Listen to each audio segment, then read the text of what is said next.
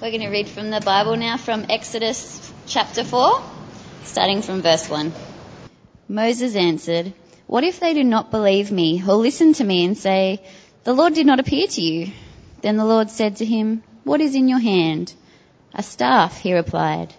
The Lord said, Throw it on the ground. Moses threw it on the ground and it became a snake and he ran from it. Then the Lord said to him, Reach out your hand and take it by the tail.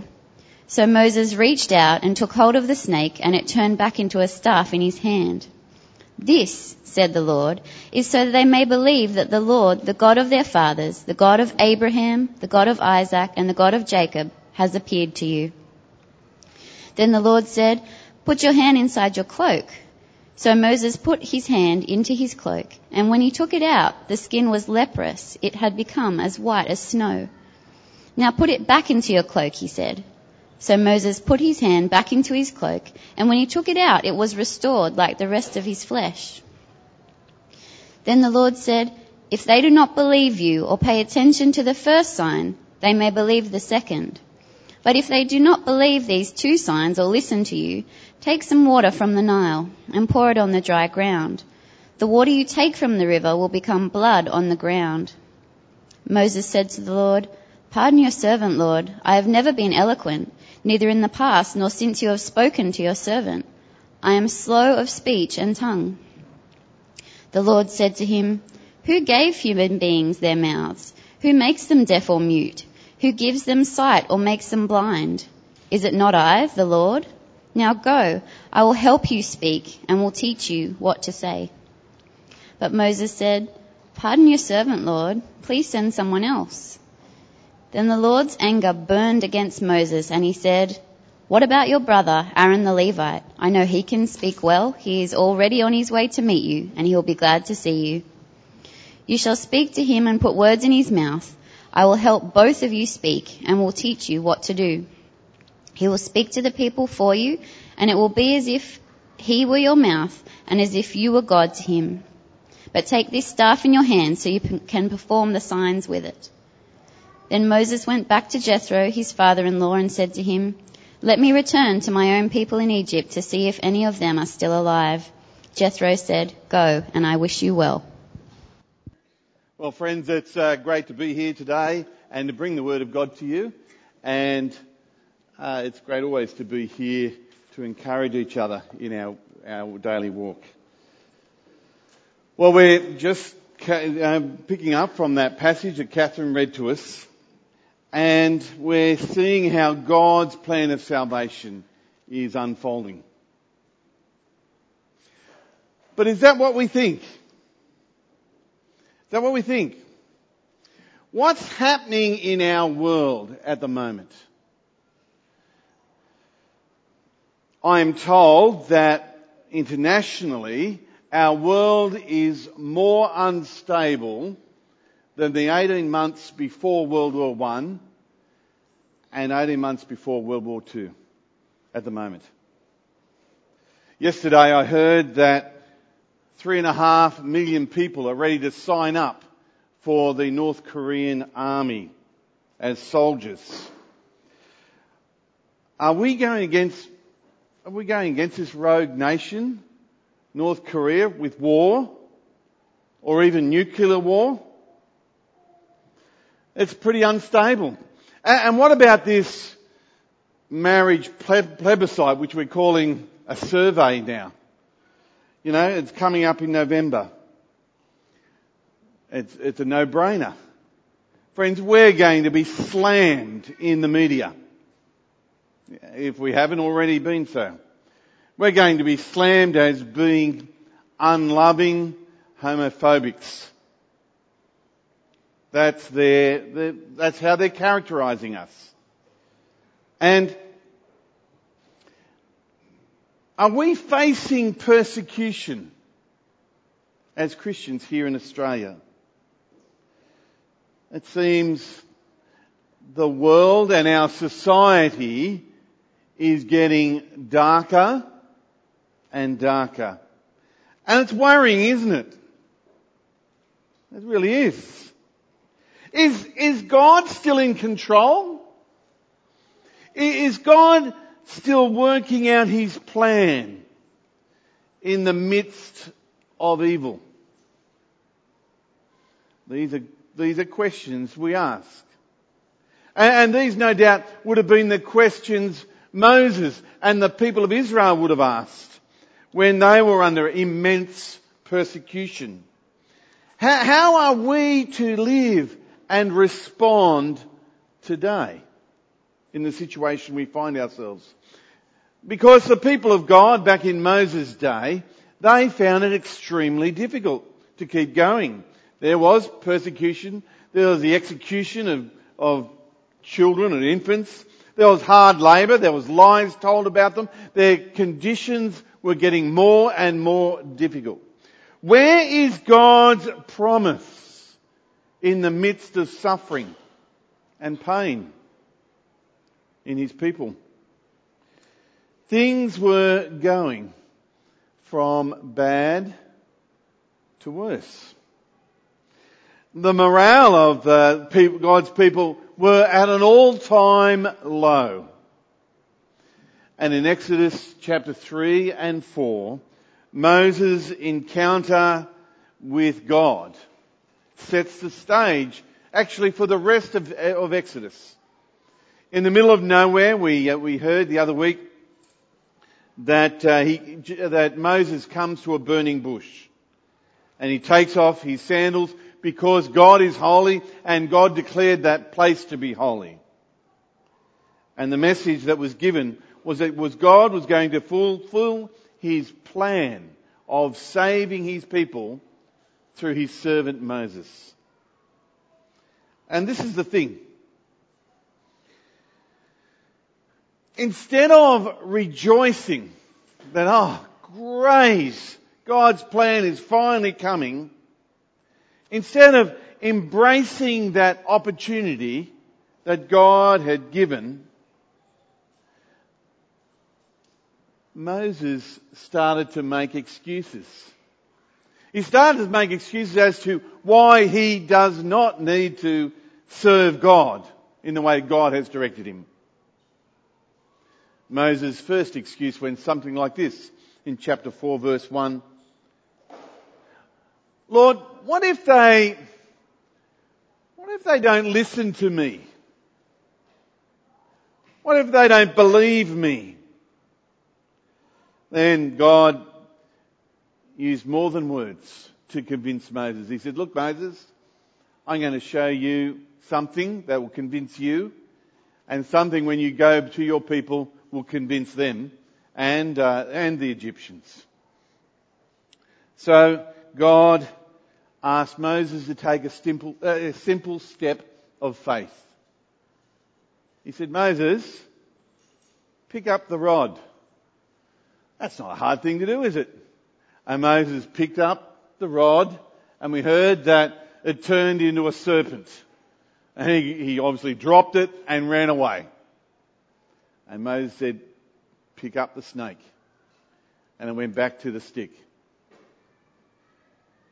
Then God said to Moses, alright, put your hand in your cloak. Wait a minute, the last time you God, you asked me to do something simple, something pretty drastic happened. But, you know, you can see, I will do that. And he puts his hand in his cloak and it comes out leprous. Well, for a while anyway.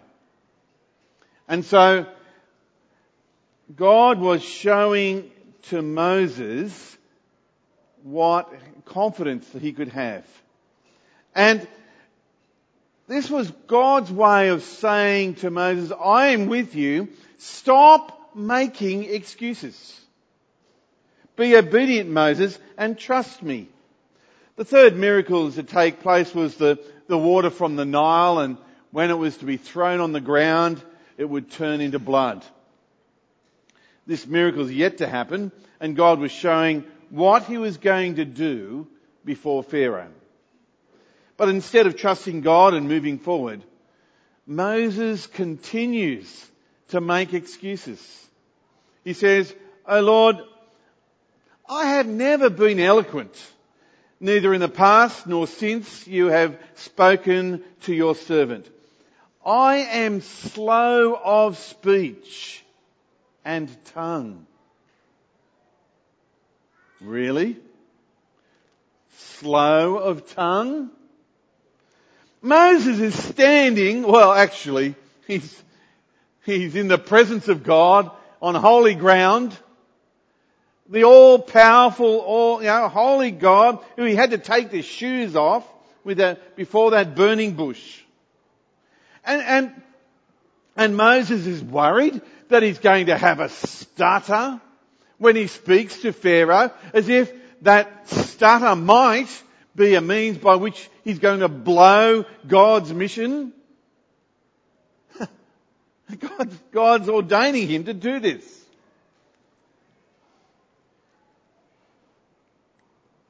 And then God lovingly responds by saying to him, I will help you and teach you what you have to say, Moses. Well, what comes next for Moses? Overwhelming, you know, the, the, the, what God has told him to do. It's overwhelming these miracles. You'd expect Moses after throwing up all these excuses thinking, you know, Lord, here am I. Send me. Uh, you know, you call me. I just want to go. But he puts up a fifth excuse. He doesn't want to do this. He says, Lord, I'm too scared. Please send someone else, not me. At this point, we read that the Lord was provoked to anger.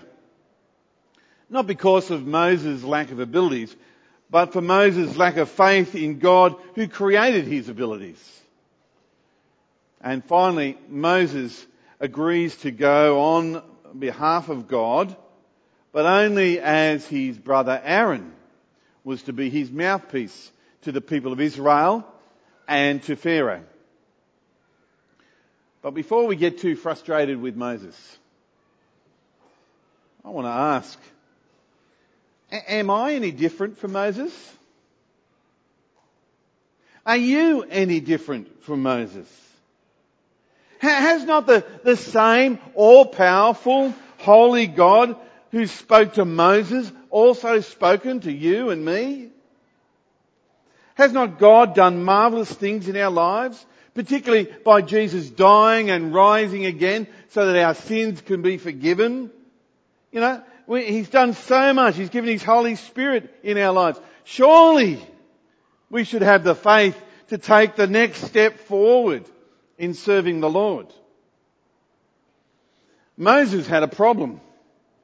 He was looking at the mission impossible before him rather than the one who laughs at the impossible. And just like Moses, I do that. And I suggest you probably do the same too. You balk at what God is calling you to do. We hear the Great Commission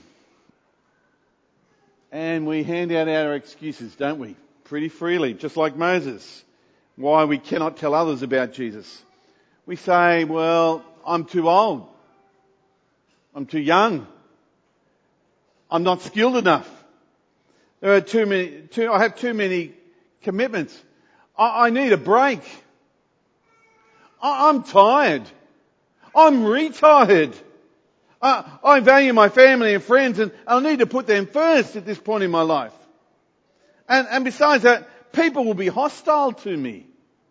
And, and they'll think poorly of me.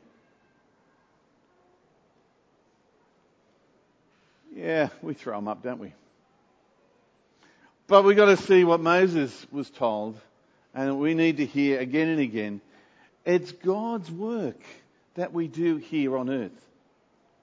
We're not here for ourselves. And like Moses, we are to be obedient when God is calling us. So, if we're tempted like Moses, I want to say to myself and to you, Stop making excuses for all the ways why we can't serve God and allow God to work in us. Friends, I had the privilege of conducting a funeral of a very close friend this week. Actually, he died last Sunday night unexpectedly, although he did have an illness. And uh, my friend Paul Mahaffey, uh, he was 90 years of age, and uh, his life was inspirational. As a follower of Jesus, he did some incredible things in his life. He had been involved in prison fellowship for many years, faithfully visiting prisoners every week. He actually used to invite prisoners to his home for Christmas dinner. And he financially was extremely generous in setting up the new church plant at Glossodia uh, a number of years ago. He wrote Bible studies. He wrote parish prayer diaries uh, in our church for a number of years and for, for overall 20 years in two parishes. He visited nursing homes. In fact, he was the chaplain to Quakers Hill Nursing Home for the last few years, where he would visit residents every week. He would conduct church services every fortnight. He was an, he was an evangelist. He went out of his way to support his family, who often went through great difficulties. He, every week, um, was involved in um, Meals on Wheels. He went to Moore College at the age of 80 years of age and studied there. And he still, you know, has been the, the oldest person to have graduated from Moore College ever. He pastorally visited the old, the shut-ins, the prisoners, the poor, and the outcast. Paul Mahaffey did not say no to God, did not put up excuses, and, and it's clear that God worked incredibly throughout this man's life and had done great things. He left a legacy that is in the lives of many people. Now, Paul didn't always get life easy.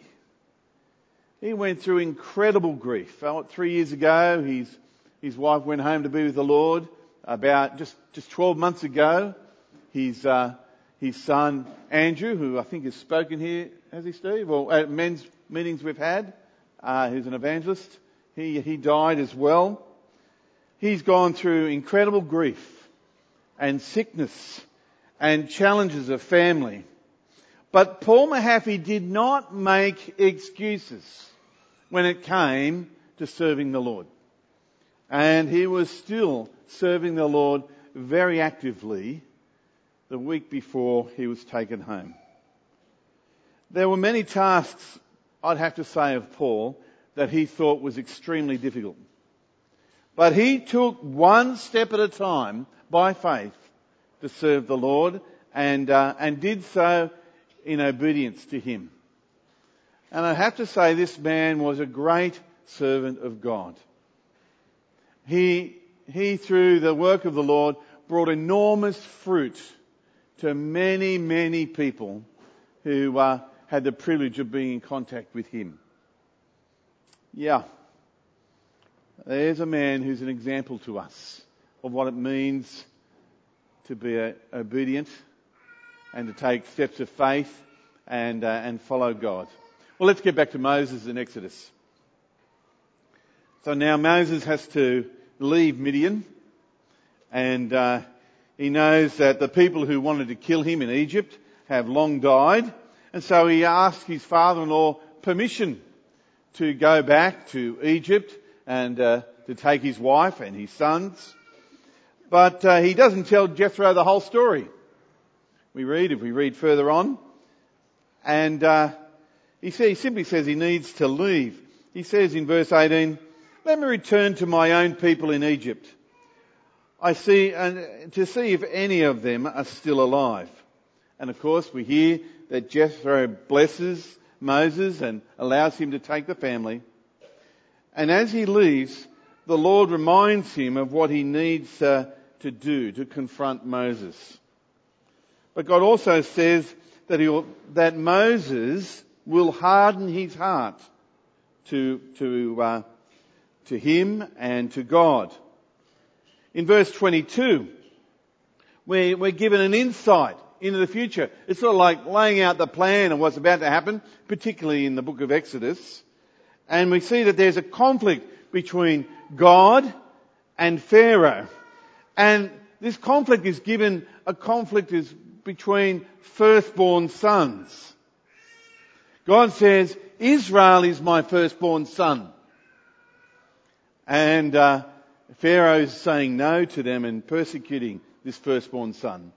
And then we find at the end of this that, uh, that Pharaoh forfeits his firstborn son because of this. And so, of his refusal to accept the firstborn son of God. So, what do we think then of the, the hardening of Pharaoh's heart and the battle of these firstborn sons? Well, firstly, we want to say that God is in control, even in difficulties. And Pharaoh isn't an innocent person. He's ruthless and cunning and cruel. Pharaoh has already done terrible things to God's people. And God's simply using his hardened heart, yes, to show everyone that he is almighty and that, that he's all powerful and that he can save his people. But we see two things here. Who hardened Pharaoh's heart? God did. And Pharaoh hardened his heart. So we can see both, you know, human response and God's sovereign will working hand in hand. And after this loving exchange that God has with Moses, it seems like, oh good, everything's set now. God's going to save his people. And we read on in a, a rather strange encounter in verses 24, 25, 26.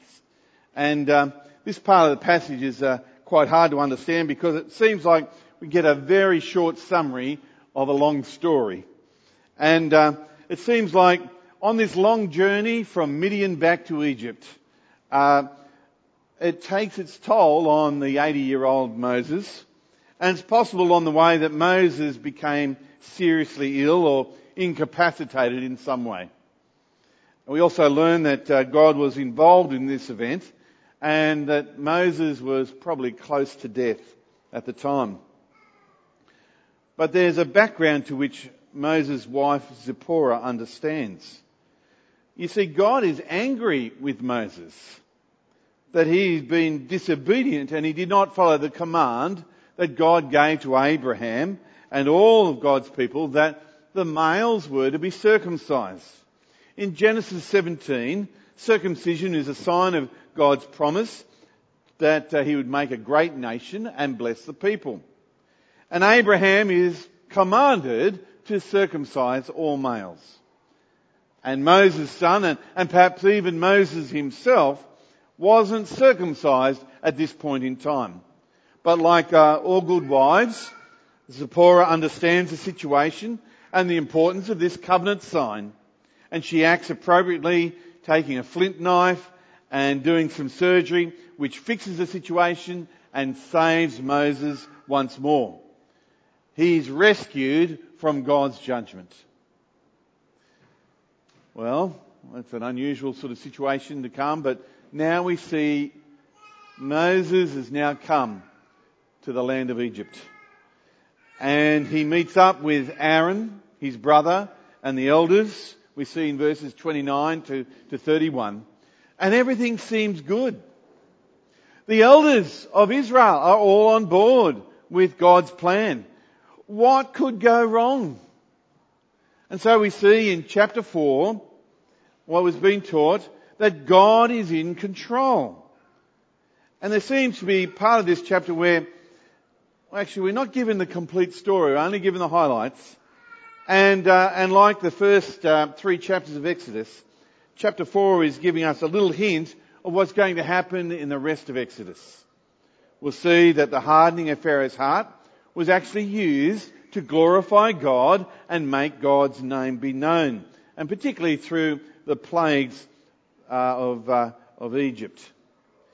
We also see the battle the firstborn later on in chapters 11 and 12, where God's firstborn sons of Israel uh, and the judgment comes to Pharaoh and the people of Israel's firstborn sons. And, uh, and then we see the importance of circumcision coming out in chapter 13 of Exodus. And that is the covenant sign. And only those who have got this covenant sign are able to partake in this Passover meal. So in the book of Exodus, we see a story that builds. And we're building a bigger picture of what, how God is, is, has his plan. And we have the foundations built, if you like, of this large house. And so, um, chapter four, we continue with a loving God who's acting long term in a loving way to bring out his purposes. And as we come to chapter five, however, which we haven't read, but let me fill you in. Um, while God's people wait to be rescued from Egypt, we see the opposition increases massively. Moses and Aaron's request to Pharaoh is ignored. God is treated with contempt and laughed at by Pharaoh and his officials. And uh, Moses' people are driven now to make bricks and it's a lot more difficult. They're not provided straw anymore and they're accused of being lazy. And life has become very difficult. They're under extreme pressure now, the people of Israel. And because they're under extreme pressure, they said, that's it. We're giving up on Moses and Aaron. And we read in, uh, in verse 21, this is what they say. May the Lord look on you, that is Moses and Aaron, and judge you. You have made us obnoxious, or, or some translations say you have made us a stench to Pharaoh and his officials, and put a sword in their hand to kill us. You see, things have gone from bad to worse. It's become extremely difficult. But this opposition to God's plan is to be expected. He had been preparing Moses with that conversation at the burning bush uh, for this very outcome. Friends, opposition to God's plan is to be expected.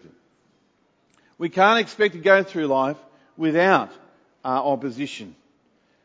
And so we shouldn't be surprised when the, the gay lobby group sort of label us as being unloving and uh, homophobic. I'm not sure how to take it, but the, the Queensland Education Department in the last couple of weeks have said that um, they don't want the name Jesus to be mentioned in the playground. And for a while, I don't know what exactly the situation, it seems to be toing and froing. They even were discouraging people giving Christmas cards in the schools.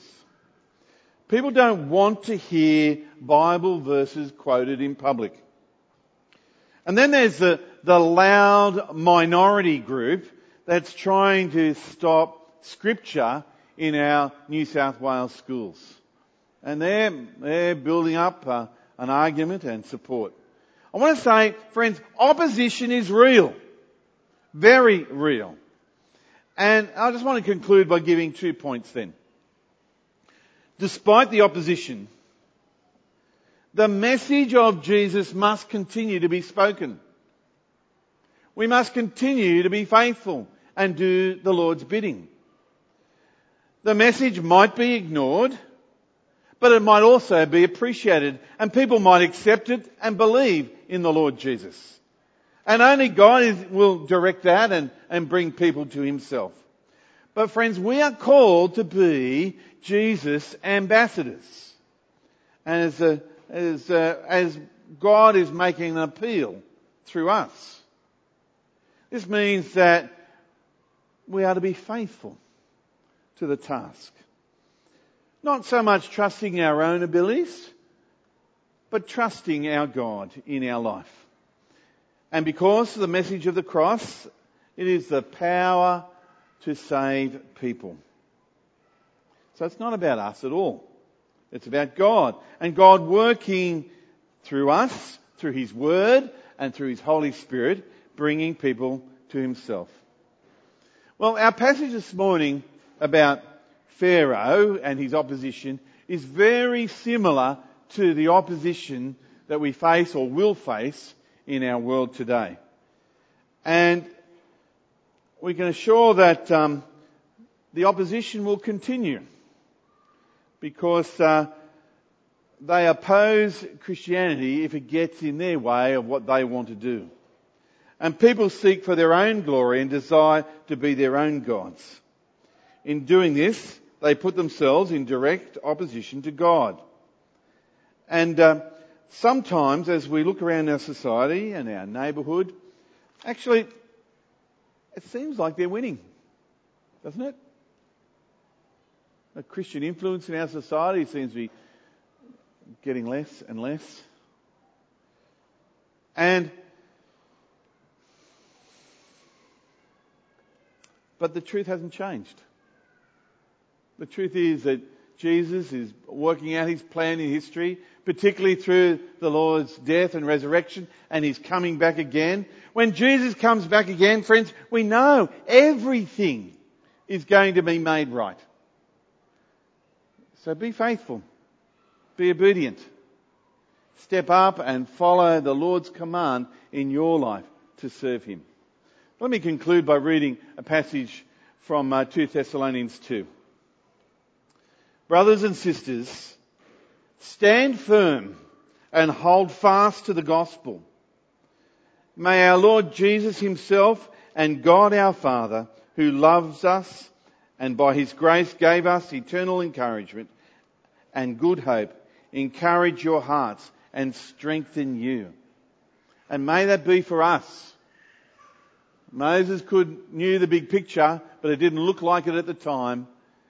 And we're in the same. We know the big picture. God is orchestrating anything, everything, and bringing it, it all to a conclusion. Let's pray. Lord, as we look around our world and our society this morning, we see things are going from bad to worse. We know that you have a plan, but Lord, in this, help us to be faithful in life, especially those things you have called us to do. And Lord God, we pray as we face opposition that we will not withdraw in our service for you or make excuses. So we ask that this morning, dear Lord, to use us and to use us to bring about your purposes and the uh, unpacking of your wonderful plan in history. And we pray this in the name of Jesus Christ our Lord. Amen.